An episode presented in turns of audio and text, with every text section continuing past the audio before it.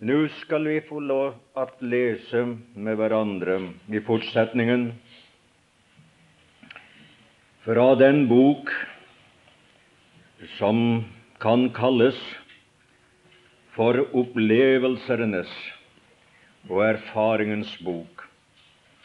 Kommer an på om at de vet hvilken bok det er. Det er Salmerenes bok.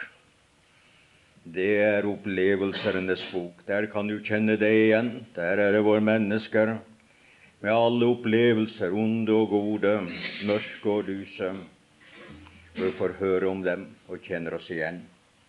Vi skal lese den første salme. Salig er den mann Legg merke til hva det står.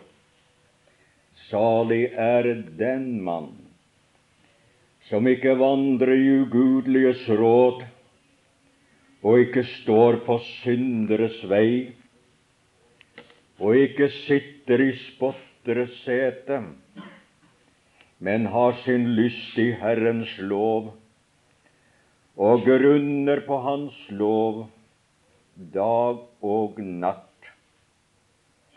Han skal være lik et tre plantet ved rinnende bekke, som gir sin frukt i sin tid, og hvis bladet ikke visner, og alt hva han gjør, skal han ha lykke til.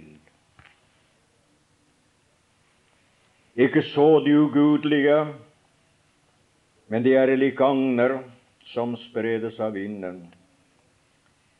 Derfor skal ugudelige ikke bli stående i dommen, og synder ikke i det rettferdiges menighet. For Herren kjenner det rettferdiges vei, men det ugudeliges vei går til grunne.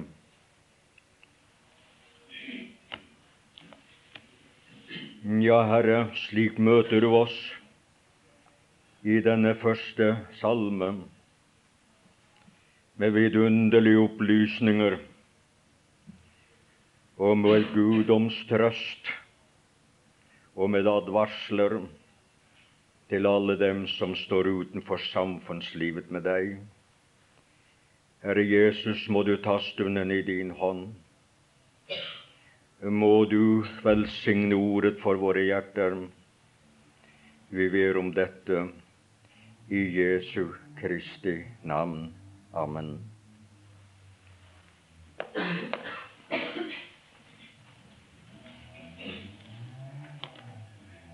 Det er mulig at du har hørt noe. denne salme prekt over fra før. Det er meget mulig. For mitt vedkommende så ble den levende ikke gjennom lesningen av en kommentar, men i samværet med Herren under en bønnestund. Og det var allerede i 1930. Og nå skal jeg fortelle dere hva jeg tror Herren viste meg i denne salmen. For det første legger vi merke til at det er jo ikke noen lang salme. Det er bare seks vers. Men sangen er delt opp i to avsnitt. Det ene avsnittet er på tre vers. Det er det første. Og det annet er på tre vers. Det siste. Og det første tre versene taler ikke om de salige menn eller de salige mennesker. Disse tre versene taler om en eneste mann. Den mann som er beskrevet på en slik måte så det er bare én mann som det kan passe på. Det er sagt så meget om ham, og hvem tror du det er? det er Jesus som fullkomment menneske. Det er Jesus som den der oppfylte lovens krav, og hvem der ikke kan sies noe ufordelaktig. Det er ikke nevnt noen ting som minner om synd. Det er en fullkommen mann. Det er en syndefri mann. Og der finnes bare en eneste, har bare funnes en eneste mann utenfor paradis om hvem dette kunne sies, og det er Jesus Kristus. Og vi hørte om hvordan han fornedrede seg selv, og så ble han oss lik, men ikke lik oss i vår natur, for vi har en syndig natur. Men han var ren, han var syndefri. Og Derfor kalles han den andet menneske. Og Gud sier om ham, sa til ham, dette er min sønn, i hvem jeg har velbehag. Og Gud vil at vi skal se hvilken menneske det var som Gud ga et legeme for å leve sitt liv og åpenbare Guds rettferdighet, for at han kunne ta vår plass, så at vi kunne få bli tilregnet Hans fullkommenhet slik at det han var innenfor Gud, blir regnet oss stillingsmessig innenfor Gud, ren og rettferdig, himmelen verdig. Vil du vite hvordan syndere blir salige, hvordan vi blir salige, så må du lese i den 32. salme. I den der står det i det første verset salig er den hvis overtredelser er forlatt. Det er på den måten at du og jeg ble salige. At Gud tilga oss våre synder, over, våre overtredelser og overtredelse, Det betyr det samme som har ha trådt over på steder, forbudte steder og der har vi alle sammen vært overtredere, hver eneste en. Men så fikk vi tilgivelse. Vi var overtredere. Og salig er den hvis overtredelse er forlatt. Forlatt er å gå bort fra en ting. Og Gud, når Han har tilgitt våre synder på Jesu Kristi forsoningsverk og frelsesverk, så går Han bort fra synden han ser dem ikke mer. De er utslettet med blod, det som gikk oss imot. Det, naglet, det ble naglet til korset ved ham. Og vi synder skjult i den gamle pakt. Så forsoning betyr nemlig å dekke over synd. Men vi hører i Hebreerbrevet, i det, det tiende kapitlet, om at Blod av bukker kunne ikke ta bort synder. Derfor betyr det i den gamle pakt å dekke over. Men derfor måtte Jesus Kristus komme sitt, litt sitt blod, og ikke alene dekke over synden så ikke vi skulle se den, og ikke Gud skulle se den, men den skulle bli utslettet, renset bort. Lovet være Hans navn. Der ser du hvordan vi er blitt syndere, hvordan vi har blitt salige. Vi har blitt salige fordi at vår overtredelse er forlatt, og fordi at vår synd er blitt skjult. Men ikke slik med denne mannen. Det er helt annerledes med ham. Og der står i Hebreerbrevet Gi akt på ham. Og vi vil gjerne se litt på denne mannen. Men før vi gjør det, så skal vi merke oss de neste tre versene. Disse versene de inkluderer hele menneskeslekten. Den som har vært, den som er, og den som kommer. Hele menneskeslekten har fått sin plass innenfor tre vers. Men for å beskrive Sønnen Det fullkomne mennesket bruker han leget like så meget. Å, venner, om vi alltid kunne få se klart hva Gud har lagt i sin Sønn til vår frelse, hvor fullkommen Han er når vi tro tar imot Ham, og alt dette som Han var i sin fullkommenhet, det døde Han for våre synder, for at, og ved sin oppstandelse, for at det skulle kunne tilregnet oss, vi som er rettferdiggjort ved troen på Ham. Denne tre versene sa jeg er delt i to. Og der er bare to slags mennesker i verden. Bare to. Efter Guds begrep. Og hva er det? Hvor kaller hva det? Hvordan omtaler så Herren det? Han kaller dem rettferdige. Det rettferdige. Og det rettferdige er omtalt to ganger her og det er det rettferdige menighet og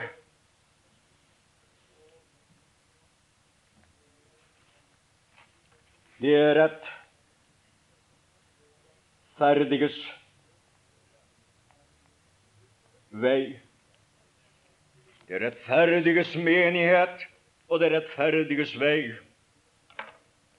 Og vi skal se litt hva de innbefatter litt senere. Så veien de vandret, og menigheten de tilhører, og hvorfor de kalles rettferdige. Det er en annen klasse, og det er absolutt den aller største.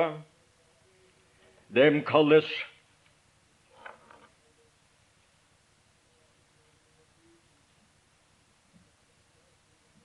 syndere.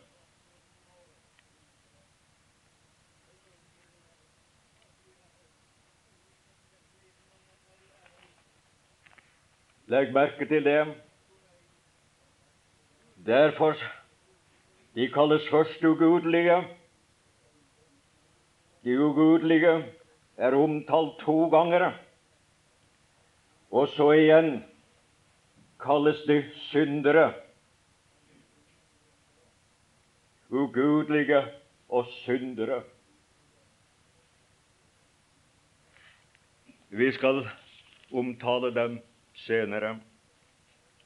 Med hensyn til det første om denne mann Han Hele hans tid var opptatt med Guds vilje. Det er ikke tilfellet med deg og meg. Vi har så mange andre ting innimellom. Natt og dag som grunder på Herrens Lov, la oss si det. Hva betyr lov? Det betyr vilje. Og dette var Guds vilje, som grunner på Guds vilje. Jeg er kommet for å gjøre din vilje, sa Jesus. Og fordi at han var opptatt med bare Guds vilje, det skulle Adam ha fortsatt med, men han gjorde det ikke. Og slekten i fallen har vært opptatt med alle andre ting nær som Guds vilje.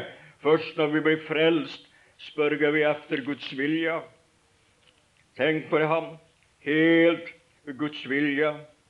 Og hele hans person var preget av syndefrihet. Hans tanker i det ugudeliges råd Råd der må man benytte tankene.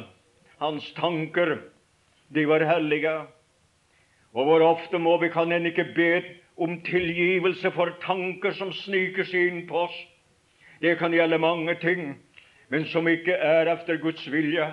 Og så må vi be om tilgivelse, gå til nådens trone. Eh, hans tanker de var fullstendig rene. Hans livsførsel var også preget av fullkommenhet. Han vandret ikke i det ugudeliges råd. Han fantes ikke der. Det var ingen, der er ingen fortid som peker til det som er syndig. Vi som er frelst i dag, vår fortid peker til fallet, til synden, til fortapelsen, og vi måtte oppleve en frelse ved troen på Jesus Kristus. Sådan var det med ham. Og således var det også her. Og hans vilje var underlagt Guds vilje. Han vandrer ikke på synderes vei. Legg merke til, uansett hvordan han var, så var han på Guds side. Han var på Guds side. Ute, der vandrer han ikke i de ugudeliges råd. Inne, der satt han ikke i synderes sete, i spotteres sete. Ute vandret han ikke på synderes vei. Vandret han ikke på de ugudeliges, i de ugudeliges råd, og inne der satt han ikke i, de, i spotteres sete. Og på veien mot målet, der var han. Ikke så har det vært tilfellet med oss, langt derifra, det hele. Og legg nå merke til hva det han er sammenlignet. Han er sammenlignet med et tre. Han er sammenlignet med et tre, og et tre det er sterkt. Han er sammenlignet med et plantetre, og et plantetre der er noe som har ført det dit hvor det er. Således, og det står i sentrum av det sted hvor han som har satt det der, den står i sentrum. Og Gud så å si plantet Jesus Kristus her på jord, og han stod i sentrum av Guds vilje for vår skyld, for å bli vår frelser, i sentret av Guds vilje. Og legg merke til at han er et tre som det ikke visner, hvis bladet ikke visner, vi alle sammen vi dør daglig, vi dør uopphørlig. Samtidig som livskreftene virker i oss, så er det dødskreftene. Og millioner av celler dør i løpet av bare ganske tid mens vi er her inne i vårt legeme, og det kommer nye til. Men her er en hvis blad ikke visner. Siden jeg sist så dere, så har jeg visnet og dere visnet, hver eneste en. Er sant nok at inntil 25-årsalderen så er det liksom oppgående, men allerede for 30-årsalderen begynner nedgangen, om ikke du merker det. Men det påstås fra legehold at det er tilfellet. Da begynner nedgangen, så å si. Det visner. Men ikke så med Jesus Kristus, hans frelsesverk. Det visner ikke, det falmer ikke. Det skal få lov å bli stående like frisk og velsignet hvis bladet ikke faller av og ikke visner. Legg også merke til at som bærer sin frukt i sin tid Ja, gudskjelov, han bar sin frukt. Han skal se sæd og leve, og alt hva han gjør, skal han ha lykke til. Kan det sies om deg? Nei. Det kan ikke sies om deg, og ikke om meg heller. Jeg husker en gang, og det var nå faktisk alt det som ga meg bidro at jeg senere kom til å tenke på det, at denne her salmen, disse tre første versene, måtte sikte til noen annen enn bare de troende. Det var Jeg sto da som menighetsforstander i Racine, Wisconsin, og det var i 1915, da dette her ved min morgenandakt hadde jeg lest denne salmen før jeg begynte på mitt arbeid som forstander i menigheten, husbesøk og de forskjellige ting som hører med. Og jeg hadde lest den, og jeg hadde bedt. Da jeg liksom tok et oppgjør om kvelden over hvordan det har vært, og han befalte min sjel til Herren, så måtte jeg si til ham i dag har alt mislykket for meg. Alt har mislykkes. Ikke slik at jeg kunne si dette at jeg har gjort noe direkte bestemt galt i den som at jeg kunne bestemt om. Men alt jeg hadde forsøkt, det har ikke nådd frem. Det har ikke blitt noe resultat. Men her sto det jo alt hva han gjør, skal han ha lykke til. Det er denne Jesus jeg vil at vi skal legge merke til. Det fullkomne mennesket. Og så, når du kommer til en annen salme, der er den kronede salmen. Der er den kronede, kronede konge. Og når du kommer til den 22., så er det den korsfestede Kristus. Det er forskjellige sider til Kristus liv som salmene forteller oss om. Vi skal gå videre. Hva så vår forbindelse med ham? Er han omtalt andre steder? Ja, du kan slå opp i Johannes, det femtende kapittel. Der hører du om en mann som sammenlignes med et tre. Jeg er det sanne vintre, og min far er vingårdsmannen. Jeg tror at disse første tre versene i denne salme og den femtende kapittel der skal i Johannes må kobles sammen. Og så når vi gjør dette, så skal du se Men træet, hva er træet? Træet, jeg er vintreet, og I er grenene. Hvis det nå enda har stått jeg er stammen, og jeg er grenene. Men det gjør det ikke. Det står 'jeg er vintreet', og vintreet, det er både stammen og grenene og det hele. Og jeg er grenene. Men treet, det er både grenene. Der ser du et bilde av den store sannhet som Paulus forkynte, nemlig om legemet. Vi er ett i Kristus. Han skal være alt, og vi skal være forenet med ham som grena. Også der får vi se at han ikke er alene. Men i salmene der er han alene. Men i lignelsen om vintrær, der har han fått grenene til å bli sine, altså profetes talt, og det skjedde på Golgata. Hva forteller det da dette? Grenene og stammen, eller treet, det er Jesus og vi i Jesus. Jeg i dem og du i meg. Og hvor godt at det skulle kunne få lov at være så. La oss da gå videre og se.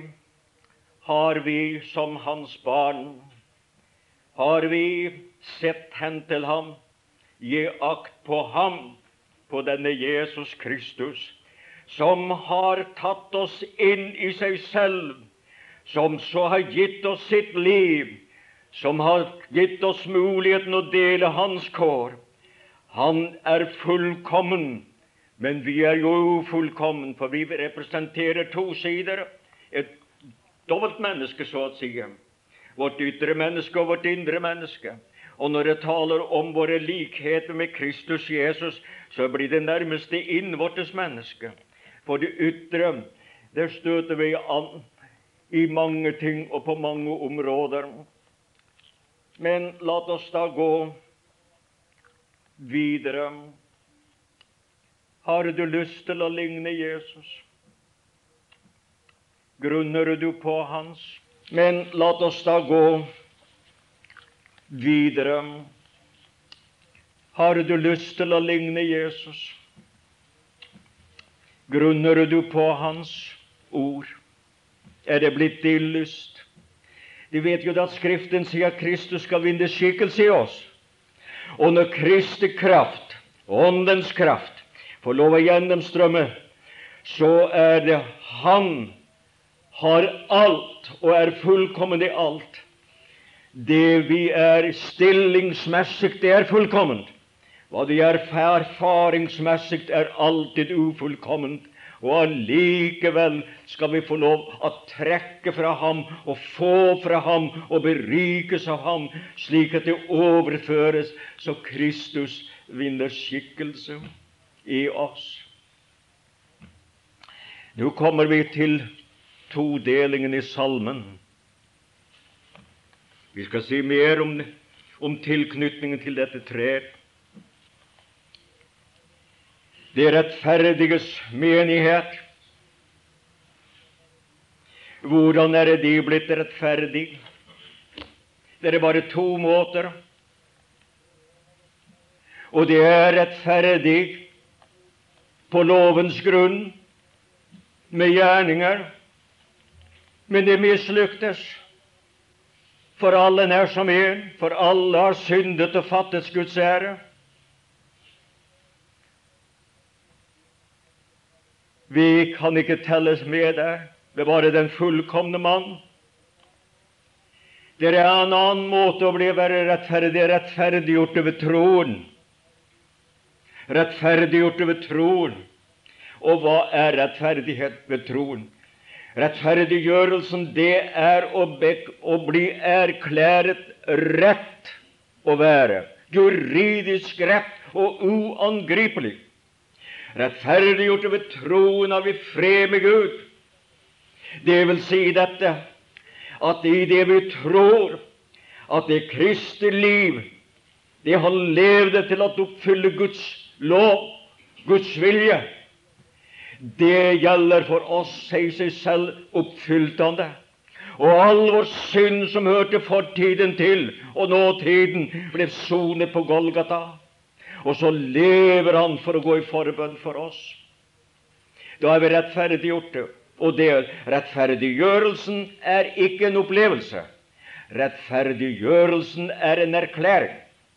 Det er Gud som rettferdiggjør og sier han er rett. Jeg ser ingen feil i ham. Hvem vil anklage Guds utvalgte? Gud er den som rettferdig gjør, altså blir ved å erklære rett. Det er stillingsmessig. Og på det området er den gamle paks hellige og det nytestamentlige hellige like. For det å være frelst av bare nåde, det er å være så å si alt av bare nåde, Det er uforskyldt fortjener det ikke. Der er den gamle pakts hellige og det nye. Men så er det det rettferdiges mening sett for en annen, og det er livets rettferdighet. Livets rettferdighet efter at man har blitt frelst. Altså ikke gjerninger for å bli frelst, men et hellig liv, et rett liv, fordi man er frelst. Frukten av frelsen. Du kan kalle det åndens frukter om du vil, for det er virkelig hva det innebærer. Det er denne kraften som kommer fra Han, som så at si skal kunne Så Kristus vinner skikkelse i oss. Det rettferdiges, det rettferdiges menighet. Rettferdig. Tenk seg til alt det han har gjort. Det tilskrives oss. Og da er det ikke f.eks røveren på korset, den botferdige, ble rettferdiggjort ved tro. Paulus ble rettferdiggjort ved tro. Røveren på korset ble like godt frelst som Paulus. For røveren ble frelst av bare nåde. Det ble Paulus òg. Det ble du og jeg. Men røveren får ingen lønn for hans liv var forspilt. Paulus dro jo for full lønn. Ja, han levde jo en tid uten Kristus, og det er så å si jeg satt et strek over. Det er med alt den tid vi lever utenfor Kristus, utenfor Hans vilje, det blir slettet. Men vi skal belønnes for våre gjerninger. Vi skal ikke frelses for våre gjerninger, men vi skal lønnes for våre gjerninger. Og det er muligheten å få full lønn. Og hvordan skal man det? Ved at Kristus vinner skikkelse i oss.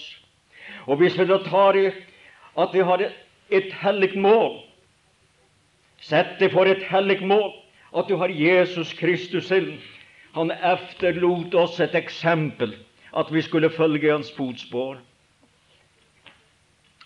Det var to gutter som en gang ved en vinterdag inngikk et veddesmål. Det var på en slette sa han, nå skal vi, skal vi vedde over hvem som kan gå mest rett, så det ikke blir kroker på veien. Ja, de begynte. De begynte, men de gikk et stykke fra hverandre. Da de kom frem og vendte seg og så tilbake, så var den enes vei den var rett, og den andre den gikk i kroker og svingninger så sa han det som hadde gått så kroket. Kan du se hvordan, hvordan gikk det for seg at du kunne gå så, så, så rakt og rett? Jo, ser du det treet der? Jeg så på det og holdt mine øyne og bare gikk etter det. Hadde det som mål. Ja, men hvordan kunne du gå så kroken? Og jeg så på mine føtter. Ja, så det der er det. Er vi opptatt med vår eget eller med Jesus?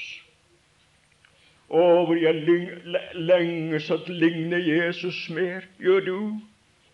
Og ligne ham. Og da er det nådeveien, samtidig som vi ser hen på ham, slik at han vinner skikkelse i oss. Har efterlatt oss fotspor, efterlatt oss eksempel. Og et eksempel, det er jo til, at, til efterlignelse. Men det kan ikke bli kjødelig kraft, for da er det å se på føttene. Men det er dette at Ånden, at man drives av Guds ånd, og ledes av Guds ånd, og lever Guds ånd, ved Guds ånd.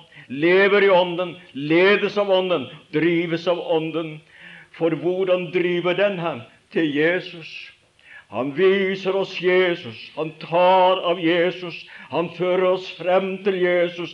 Han vil fylle våre tanker om Jesus Kristus, at vi skal være opptatt med ham. Det løser oss fra synden, det løser oss fra verden. Det bevirker dette at vårt liv blir preget av ham. Versligheten det er at man blir lik verden, for man er opptatt med verden. Hellighet det er at man er opptatt med Jesus. Og da er det dette å se en fullkom. Jeg vil godt si til bror og søster vi kommer aldri til å kunne ligne denne salige mann til fulle. For alt vi er fullkommen i Kristus, men vi er ufullkommen i handel og vandel. Men det skal ikke være det samme som at vi er like glad med vårt liv.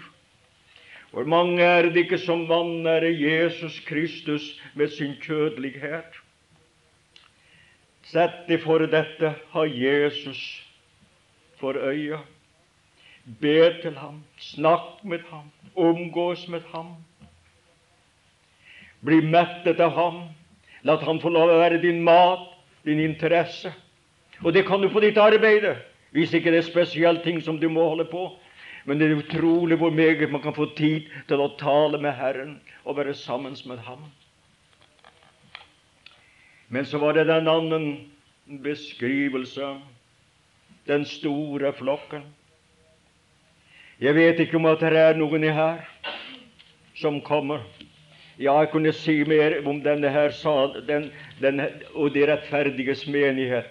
De er på vandring. Og hvilken vei er det? Jesus har selv sagt det. Jeg er veien. Jeg er veien, jeg er sannheten, og jeg er livet. De er på vei til himmelen. Halleluja. Og Jesus er veien, og på ham går du trygt. Og på ham vil innrette ditt liv slik at det ikke blir til spott og skam for dem som ser på, men at du kan være en veiviser. For du sier Paulus har 'følg meg' slik som vi følger Kristus. Kan hende ikke vi tør å si det, men la det være vårt mål, dette. Vi vil gjerne kunne si det. Følg oss som vi følger Jesus Kristus. Så var det med de uomvendte. Det er bare de to klasser. De rettferdige de skal komme til himmelen.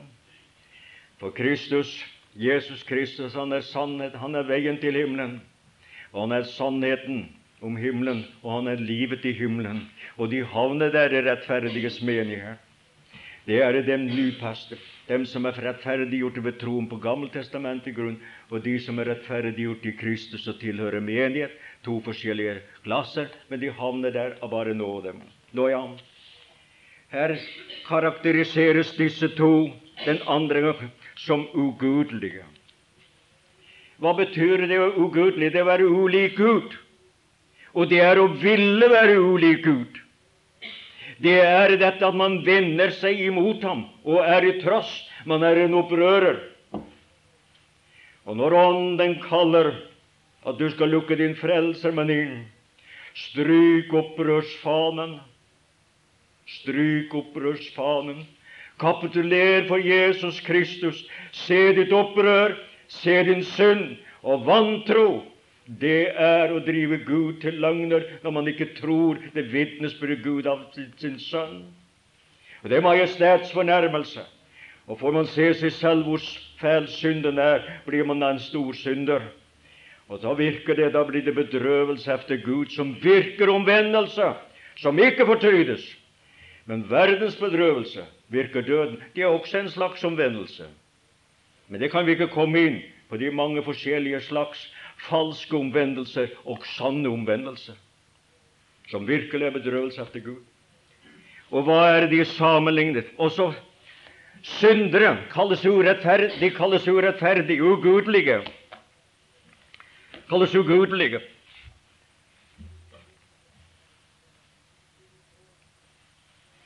Ikke så det mennesket som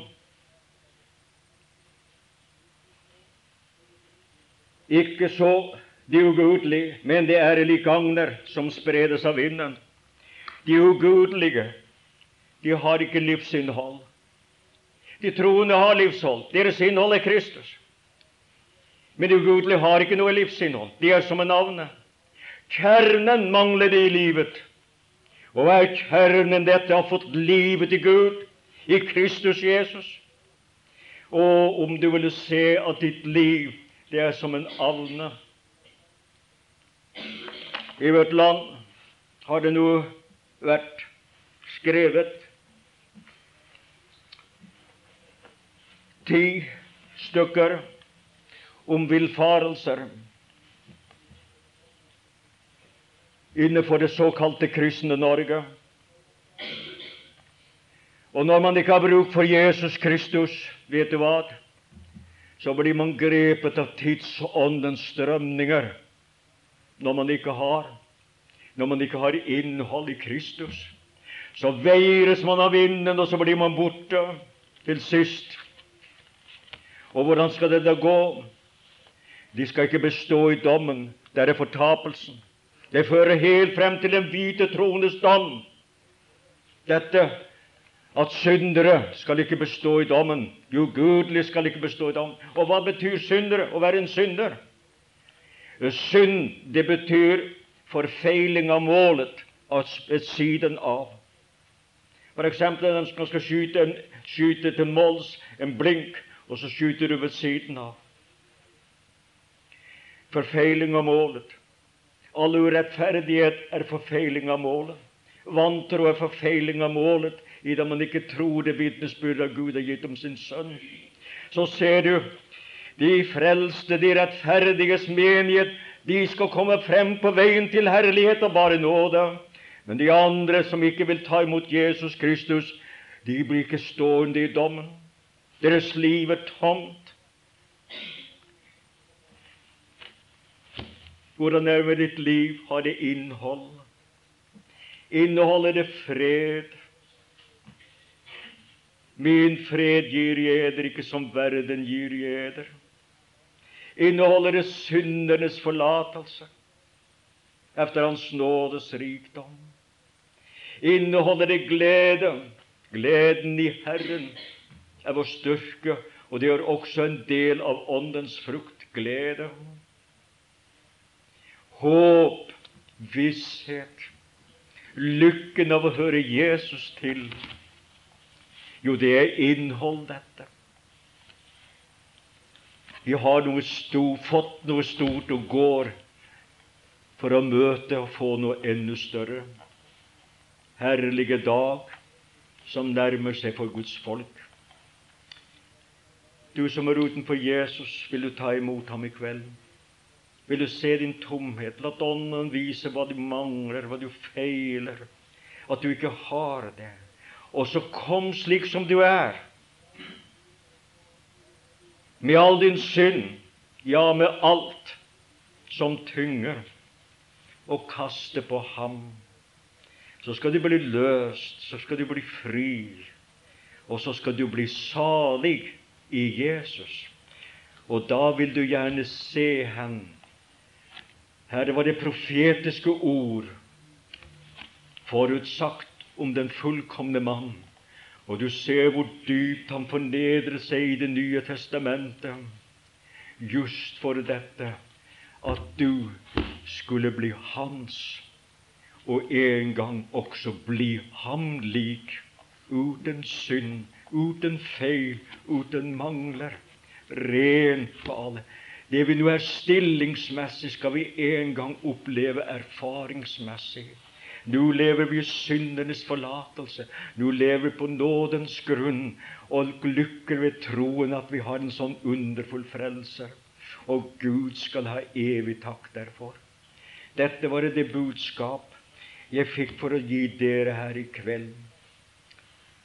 Så ber vi det, Herre, om det skulle være noen her i kveld som innrømmer dette, at de har ikke det evige livet. De er som en alne.